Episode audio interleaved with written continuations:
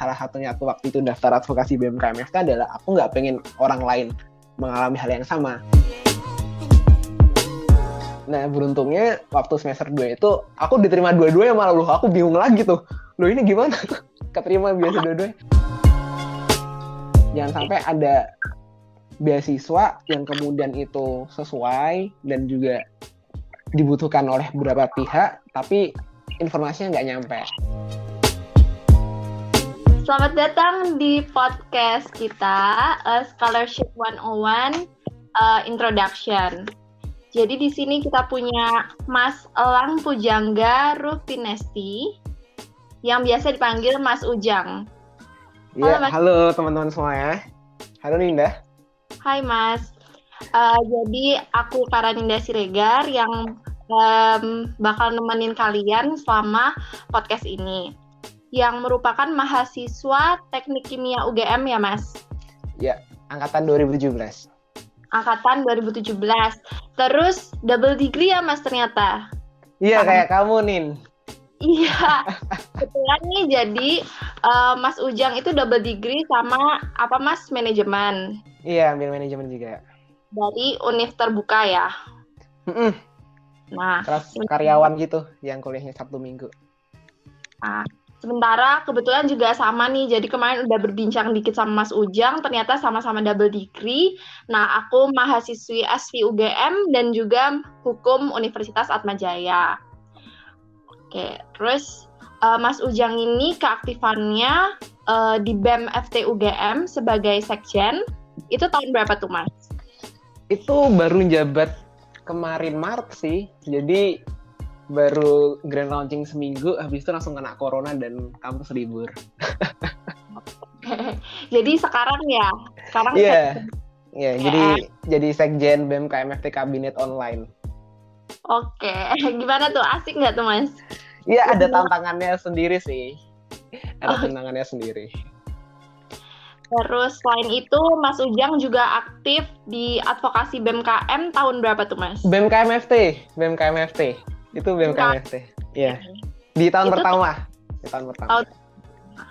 Oke, jadi berhubung topik kita uh, kali ini scholarship uh, one, kita akan membahas tentang beasiswa. Nah, profil beasiswa Mas Ujang ini juga luar biasa banget nih.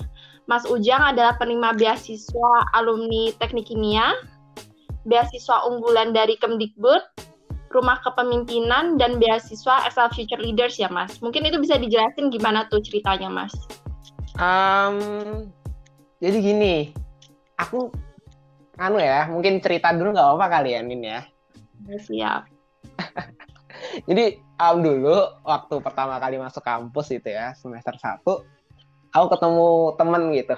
Waktu itu habis dari ziarah kita habis sholat zuhur. Namanya Ridwan anak FEB 2017, anak akuntansi temen SMA gitu ngobrol-ngobrol terus dia tiba-tiba nawarin ngajakin beli buku gitu hmm. tumben-tumbenan nih Ridwan ngajak-ngajakin buku dapat uang dari mana nih gitu kan maaf ya Wan kalau misalkan kamu dengar aku mau minta maaf nah terus tiba-tiba dia cerita kalau semisal dia tuh punya dana dari beasiswa. Biasanya kebetulan beasiswa bulan loh hmm. aku shock dong sebagai seorang teman kok nggak kabar-kabar dapat info dari mana?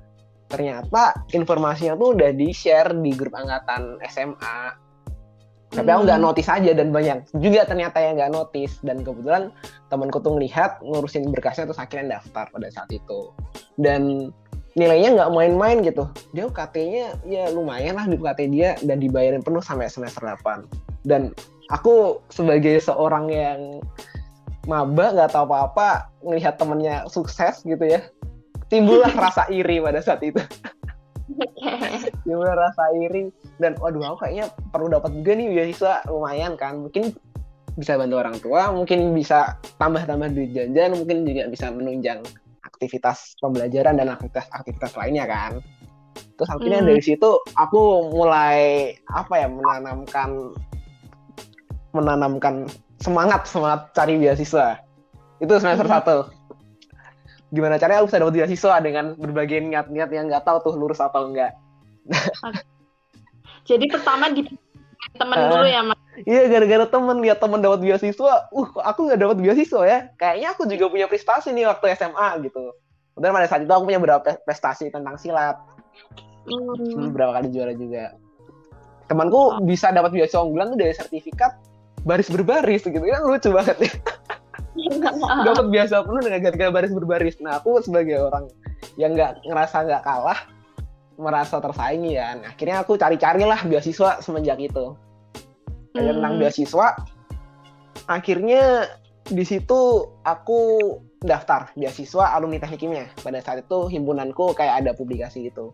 Dan di saat di situ momennya juga sama waktu bundeku sakit jantung dan ada operasi ring lah tanam cincin di dalam jantung. Nggak terlalu paham tentang itu dan habis biaya banyak. Dan ibuku cerita bahwa ibuku bantu dan dan akhirnya ya kondisi keuangan ya menurun lah hmm. dan akhirnya aku daftar kan dan alhamdulillah keterima dan dapat uang bulanan sampai selama semester 2 tapi kok aku coba banding bandingin nih sama emang membandingkan itu anu ya pangkal orang tidak bersyukur. aku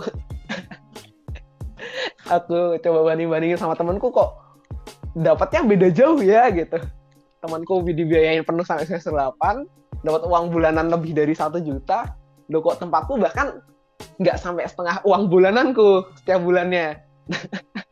ya. Dan itu nggak bayar SPP juga ya, nggak bayar UKT juga ya mas? Nggak, nggak termasuk pembiayaan UKT, jadi emang sangat kecil.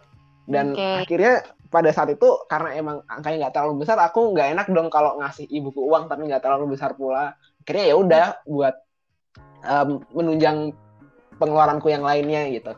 Dan akhirnya pun juga aku akhirnya mengajukan penurunan UKT pada saat itu karena untuk meringankan biaya UKT orang tua. Dan 16 bulan semester 2 dan akhirnya setelah itu aku lupa ya setelah itu atau um, selama itu aku daftar advokasi BMKMFT soalnya aku ngerasa kayaknya banyak hal yang nggak diketahui mahasiswa ya, terutama mahasiswa baru tentang beasiswa. Dan aku udah menjadi korban. Nggak korban juga sih. Aku nerima beasiswa ada saat itu, tapi kok aku nggak tahu menawan tentang beasiswa dan banyak salah persepsi lah tentang beasiswa. Dan emang hmm. itu salah satunya aku waktu itu daftar advokasi BMKMFK adalah aku nggak pengen orang lain mengalami hal yang sama. Atau at least aku menyebarkan pengetahuan tentang hal-hal seperti itu.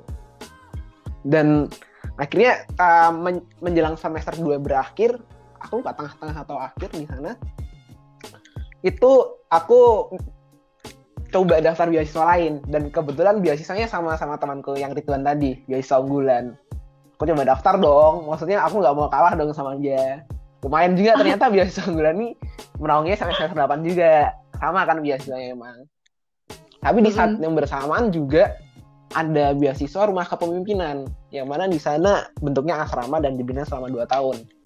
Nah lucunya okay. di beasiswa unggulan ini ada syarat tidak sedang mengajukan beasiswa atau tidak sedang menerima beasiswa lainnya. Yang mana sebenarnya kalau tidak sedang menerima beasiswa udah selesai sih beasiswa teknik kimia aku yang semester cuma sama satu semester itu. Cuma kan aku juga berniat mengajukan yang beasiswa RK kan. Ya. Aduh gimana nih gitu. Akhirnya karena aku nggak mau kehilangan salah satunya dan pun aku juga nggak yakin keterima di RK maupun di beasiswa unggulan aku akhirnya daftar dua-duanya karena waktunya emang bersamaan. Wah. Nah beruntungnya waktu semester 2 itu aku diterima dua-duanya malah loh aku bingung lagi tuh. Loh ini gimana keterima biasa dua-duanya? Padahal biasa unggulan ini kan mengatakan bahwa nggak mau boleh menerima biasa lain kan. Aku aku bingung tapi ya udahlah ya gitu. Ya udahlah ya pada saat itu nggak tahu ya ini aku melanggar hukum atau gimana ya apakah aku akan bla bla bla gitu gitu aku bingung yeah, yeah. Tapi um, selang lama nggak lama sih sebulan dua bulan atau berapa waktu setelah itu aku dengar dari temanku yang pernah beasiswa unggulan juga bahwa kalau dari pihak beasiswa unggulan tidak mempermasalahkan penerimanya menerima beasiswa lain selama selama komponen beasiswanya itu berbeda. Nah, kenapa aku nggak tahu? karena kebetulan aku tuh orangnya sering terlambat ya, terutama di beberapa agenda yang seringnya aku anggap nggak penting pada saat itu. Jadi waktu itu beberapa kali ada pembukaan agenda-agenda bersama biasa unggulan, penjelasan dan lain sebagainya. Aku tuh telat terus gitu. Jadi aku sering nggak tahu info-info. Akhirnya cuma tanya-tanya teman salah satu info yang tadi juga aku nggak tahu, nggak tahu menahu. Nah, aku dengar dari temennya itu, oh berarti ternyata nggak bermasalah saat itu. itu waktu apa ya aku lupa pas acara apa gitu ngisi tentang beasiswa dan nggak ngisi ngisi stand stand gitu loh kan ada espresso beasiswa gitu kan nah temanku ngasih tahu itu. Oh berarti aku nggak apa-apa dong gitu. Akhirnya pada saat itu berarti aku udah nerima tiga beasiswa ya. Uh, beasiswa teknik kimia udah selesai dan dimulainya beasiswa unggulan sama beasiswa rumah kepemimpinan. Hmm. nah setelah selama um, aku dapat teguran juga tuh dari temen dari tahun beasiswa unggulan. Dulu jang kok kamu nerima beasiswa RK loh tapi kata temenku nggak apa-apa gitu. Tapi kok kamu mempermasalahkan gitu kira aku cari tahu lagi kan. Aku cari-cari buka-buka di website website gitu. Oh ternyata ada dua artikel di ugm.id yang menyatakan bahwa Budi Korita sama satu lagi wakil dekan kemahasiswa wakil rektor kemahasiswaan pada masanya aku lupa siapa yang menyatakan bahwa mahasiswa tidak dilarang menerima menerima uh, tidak dilarang menerima lebih dari satu beasiswa selama omongannya sama ya selama tidak memiliki komponen yang sama dan yang kedua beasiswa yang diterima sebelumnya tidak memenuhi kebutuhannya. Oh ini ada ilmu baru lagi nih tidak memenuhi kebutuhannya. Jadi pada saat itu kalau misalkan ada yang tanya tentang Jeng kok kamu terima beasiswa ini juga, aku kasih artikel link artikelnya aja ugm.id-nya itu. Langsung ya, skakmat gitu. Iya nggak gitu juga aku kasih penjelasan dikit lah. Cuma kalau tapi juga aku lampirin linknya itu. Jadi di situ aku dapat dua dua dua ilmu ya. Eh tiga ilmu. Pertama ilmu tentang beasiswa dari ketika aku gabung di advokasi. Yang kedua tentang boleh lebih dari satu beasiswa baik dari beasiswa bulannya maupun dari pihak UGM. Nah, okay. kalau dari RK-nya sendiri nggak bermasalah kan sih boleh menerima beasiswa lainnya juga sebenarnya.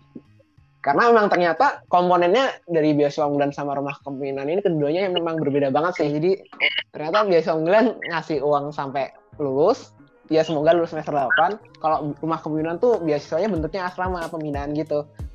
Ada uang bulanan cuma hampir nggak dapat karena itu sifatnya donatur jadi nanti dipasang-pasangin gitu. Jadi kebanyakan um, yang disebut beasiswa ini biaya kepada siswa itu tidak diberikan berupa uang tapi berupa pembinaan. Aku nggak tahu apakah itu sebenarnya bisa disebut beasiswa atau enggak karena kalau dari definisi beasiswanya sendiri agak lepas tuh rumah kepemimpinan. Hmm. Dan okay. akhirnya waktu semester 5 aku daftar lagi karena daftar XLFL karena emang itu pembinaan juga kepemimpinan juga kan Excel Future Leaders dan alhamdulillah lolos. Eh enggak deh, aku semester 2 itu daftar nggak keterima karena adanya kesalahanku di situ ada konfirmasi tahapan tapi aku lupa daftar dan akhirnya aku daftar lagi semester 4 dan akhirnya diterima yang Excel Future Leaders itu. Dan sama di Excel Future Leaders bentuknya cuma pembinaan doang bahkan tidak memberikan uang sama sekali. Itu sih singkat cerita perjalanan aku. Berarti rekap dari maba nih alumni Tekim sampai semester 2 ya Mas. Itu iya sama semester 2. Bulanan gitu ya? Uang bulanan doang. Terus uh, unggulan dan rumah kepemimpinan itu bersamaan tapi beda komponen. Iya. yeah. uh, Mas bilang juga uh, ada keputusannya ya dari rektor ya SK-nya kalau beda komponen. Itu bukan SK sih, cuma um, kalimat yang dikutip oleh artikel yang di ugm.id. Ada ketentuan mengenai itu, terus mengenai komponen ini nih beasiswa. Tadi kan ada unggulan itu memberi uang ya, Mas, membiayai, membiayai. Iya, yeah, iya. Yeah. Rumah kepemimpinan itu pelatihan. Mm -hmm. Ada apa lagi, Mas? XL Future Readers tadi kan juga bentuknya pelatihan. Sampai sekarang sih, jadi kalau RK udah selesai bulan April kemarin, kalau SL Future Leaders tuh baru mulai um, akhir semester 5 sekitar bulan November Desember aku agak lupa. 2019 kemarin. Okay. sampai sama dua tahun juga. Menarik banget sih teman-teman karena biasanya itu di persyaratan beasiswa pasti salah satunya ada tertulis tidak menerima beasiswa lain. Tapi sebenarnya beasiswa sendiri bisa dikategorikan lagi ya mas. Jadi berbagai macam beasiswa gitu. Mungkin Mas yeah. bisa jelasin di pembiayaan, pelatihan, terus uh, itu gimana sih? Maksudnya uh, untuk pelatihan sendiri apakah dia pasti pelatihan nggak mungkin dicampur sama biaya pembiayaan atau bisa hmm. aja biasanya membiayai dan melatih gitu? Itu gimana tuh mas? Macam-macam beasiswa. beasiswa beasiswa tuh banyak banget jenisnya dan banyak juga yang aneh-aneh lah pokoknya.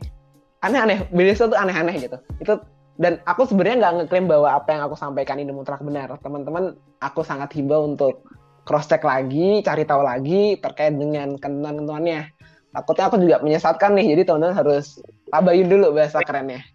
Nah kalau siswa itu emang banyak jenisnya. Ada yang campur-campur ada yang terpisah ada yang um, beda-beda pokoknya. Ada yang itu tadi membiayai uang hidup ada yang membiayai uang hidup dan uang kuliah ada yang membiayai pendidikan doang eh pendidikan doang kepemimpinan doang pelatihannya ada yang kepelat pelat, apa ya um, pelatihan dan juga uang kuliah beda-beda sih. Jadi emang hal pertama yang kemudian harus kita lakukan ketika mendaftar beasiswa adalah cari tahu, cari tahu tentang beasiswanya, memberikan apa, dan syarat-syaratnya kayak gimana. Oke. Terus uh, Mas berarti pertama kali terpacu mengenai beasiswa ini tadi dari temen ya. Kemudian iya, itu dasar Mas juga untuk bergabung ke advokasi. Nah, mm -hmm. Mas uh, dari pengalaman advokasi juga, sebenarnya apa sih hambatan teman-teman mahasiswa ini dalam mencapai beasiswanya? Apa karena emang tadi kayak Mas uh, informasinya kurang tersalurkan atau gimana tuh? Ini sebenarnya sesuatu yang nggak ada jawaban mutlak benernya kayak gimana gitu karena alasannya banyak banget aku nemu temen yang dia nggak daftar beasiswa karena nggak tahu kalau ada pendaftaran gitu. Oh kemarin ada oprek tuh, oh aku kelewatan nih nggak tahu gitu. Itu yang pertama, bener. Hal yang sama terjadi sama aku waktu semester satu pada saat itu. Terus juga ada yang tahu nih informasi beasiswa nih, dapat informasi beasiswa, cuma dia mager aja gitu, mager ngelengkapi berkas-berkasnya karena kok kayaknya banyak, gitu. karena emang sebenarnya emang banyak gitu. Kan um, nothing worth comes easy kan? Nggak, ada sesuatu yang berharga datang dengan mudah. Ya udah kalau misalkan memang dia udah nggak niat ya aku nggak bisa mempermasalahkan juga. Terus ada juga yang alasannya karena dia tahu nih informasinya. Dia juga nggak mager. Tapi dia nggak tahu cara lengkapin berkasnya. Ada yang kayak gitu. Jeng cara cara bikin surat keterangan aktif gimana sih Jeng? Cara bikin transkrip nilai gimana sih? Sampai-sampai karena dia lambat banget ngurusin berkasnya deadline-nya lewat dan akhirnya nggak jadi daftar lagi. Ada juga yang dia um, tahu informasinya dia punya niat dia tahu cara ngelapan berkasnya tapi dia gagal di tahapan-tahapan selanjutnya gitu kayak wawancara FGD presentasi dan lain sebagainya. Jadi emang alasannya banyak tapi aku cukup concern di masalah yang informasi tadi sih jangan sampai ada beasiswa yang kemudian itu sesuai dan juga dibutuhkan oleh beberapa pihak, tapi informasinya nggak nyampe. Jadi salah satu kerjaanku kalau di grup angkatan teknik kimia ya, itu tuh nge-share info-info kalau ada di BEM. Pun juga jelasin juga sih ngajakin mereka juga.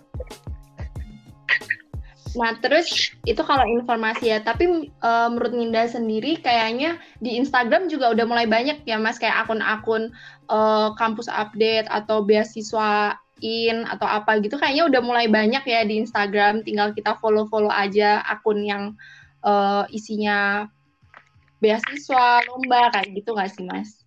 Iya, sebenarnya emang ketika kita punya niat, kita akan memunculkan awareness kita gitu. Uh, akan sangat percuma ketika udah banyak gitu ya akun-akun beasiswa di luar sana tapi kalau pada akhirnya pertama nggak ngefollow yang kedua juga ketika ngefollow pun nggak tentu aware juga kan. Jadi emang hal pertama tuh perlu niat dulu. Kalau udah niat baru masuk ke langkah-langkah selanjutnya. Jadi uh, Ninda cerita dikit ya mas? Iya gimana? Ini kan Ninda penerima beasiswa juga dari oh, iya. yayasan Jaya ya namanya Lim Scholarships Nah, itu dari awal kuliah juga uh, terpacu gitu ngelihat kakak tingkat. Kalau Mas dari teman seangkatan ya panutannya ya, terinspirasinya. Yeah. Kalau Bunda dari kakak tingkat, terus kayak wah dapat beasiswa lumayan nih buat nger ngeringanin orang tua segala macam. Terus takut nggak keterima juga cari-cari beasiswa lain kan. Nah, itu Ninda sampai bikin akun Instagram khusus tuh, Mas. Satu Instagram oh, iya. khusus. Iya, buat ngefollow akun-akun yang kayak gitu, yang beasiswa lah, lomba lah. Jadi bener-bener sekalinya buka tuh Instagram, munculnya bener-bener tinggal tinggal swipe swipe oh ini beasiswa ini beasiswa ini gitu loh mas. Iya yeah, bener banget. Um, kalau aku nggak kayak gitu sih cuma kalau aku dulu ya waktu sedang butuh notifikasinya aku aktifin. Jadi ketika infonya ada update postingan gitu ya itu muncul. Bisa juga sih gitu. Kayak gitu kanku anu sih kalau semisal salah satu trik juga ya. Sebenarnya walaupun tadi cerita aku terdengar mulus ya wah aku keterima biasa alumni teknik kimia. Wah aku keterima biasa bulan RK sampai SL level. Itu nggak selancar itu sih karena emang pada tahapan sebelum-sebelumnya aku daftar beberapa beasiswa juga dan nggak keterima.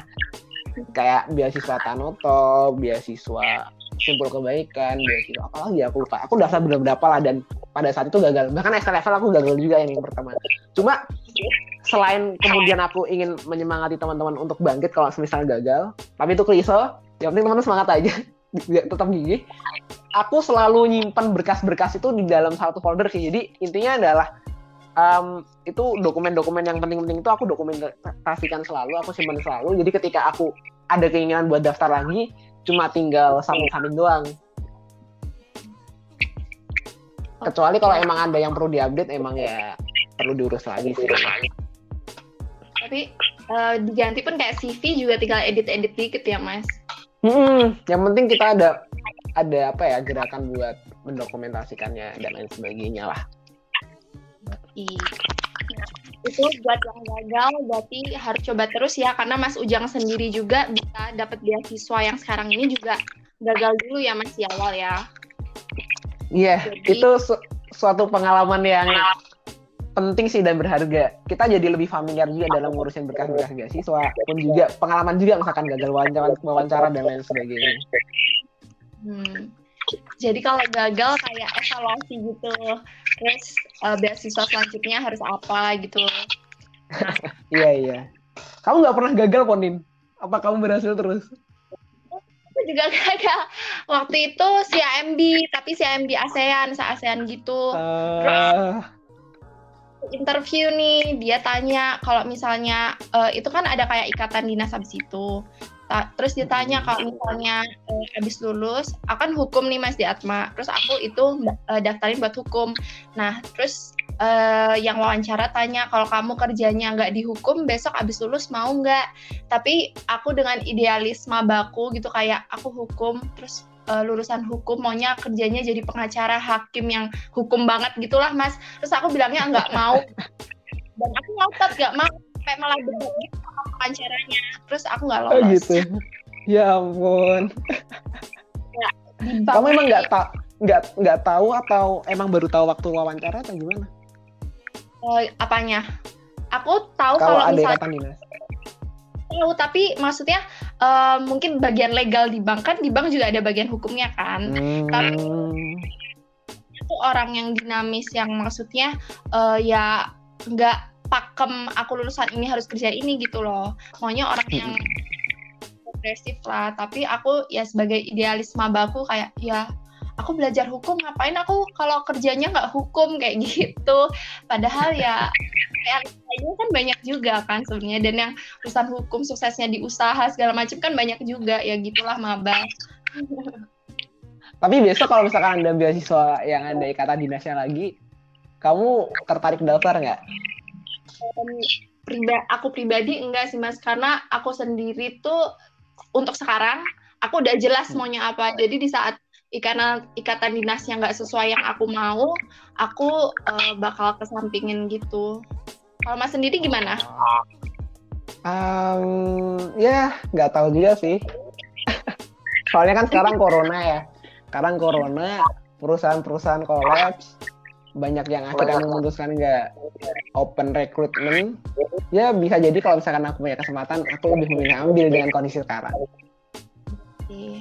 biar ada jaminan ya habis lulus dapat kerja juga um, lebih ke arah aku nggak mau nyanyain waktuku sih ketika aku lulus dan aku harus nunggu selama 8 bulan 6 bulan setahun Hmm. Gitu. Terus uh, ini kan podcast kita kan 30 menit nih Mas. Ini udah mau uh, penutup, tapi tenang aja buat teman-teman karena podcast beasiswa one on one ini akan dibagi menjadi uh, dua sesi. Yang pertama introduction dan yang kedua nanti uh, lebih spesifik mengenai tahapannya, terus bagaimana cara lolosnya. Nah, uh, penutup yang sesi ini Mas mau uh, saran apa nih sama yang mungkin yang mager tadi? Mungkin Mas bisa ngasih tahu uh, keuntungan beasiswa tuh apa aja sih dari Mas gitu. Biar mereka yang mager juga mungkin eh jadi terpacu gitu. Gimana tuh Mas keuntungannya? Kalau keuntungan aku yakin yang dengerin kali ini udah pada tahu sih nggak perlu aku sebutin keuntungan dapat beasiswa gitu. Pasti mereka udah pada tahu semuanya. Cuma yang ingin aku sampaikan adalah yang mungkin akan aku ulang juga ketika penutup di podcast kedua nanti adalah jadilah orang yang beruntung gitu. Karena jadi orang beruntung itu sangat membahagiakan.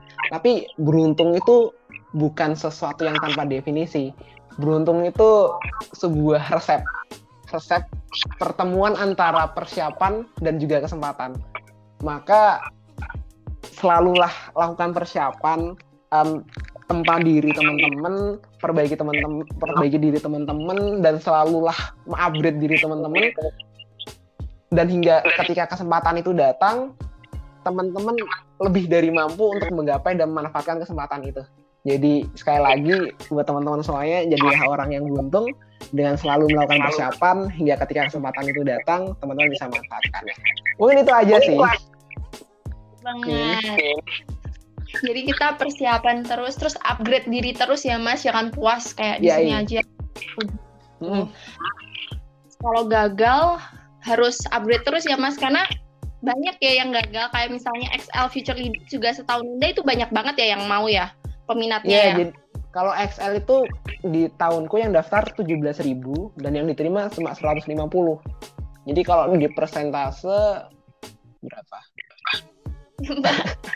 Sekitar satu persen ya kesempatannya ya. Satu persen. Biasa unggulan juga kan ya mas dari Kemdikbud itu. Soalnya... Aku nggak tahu sih persentase persentasenya. Cuma yang emang yang minat emang banyak juga.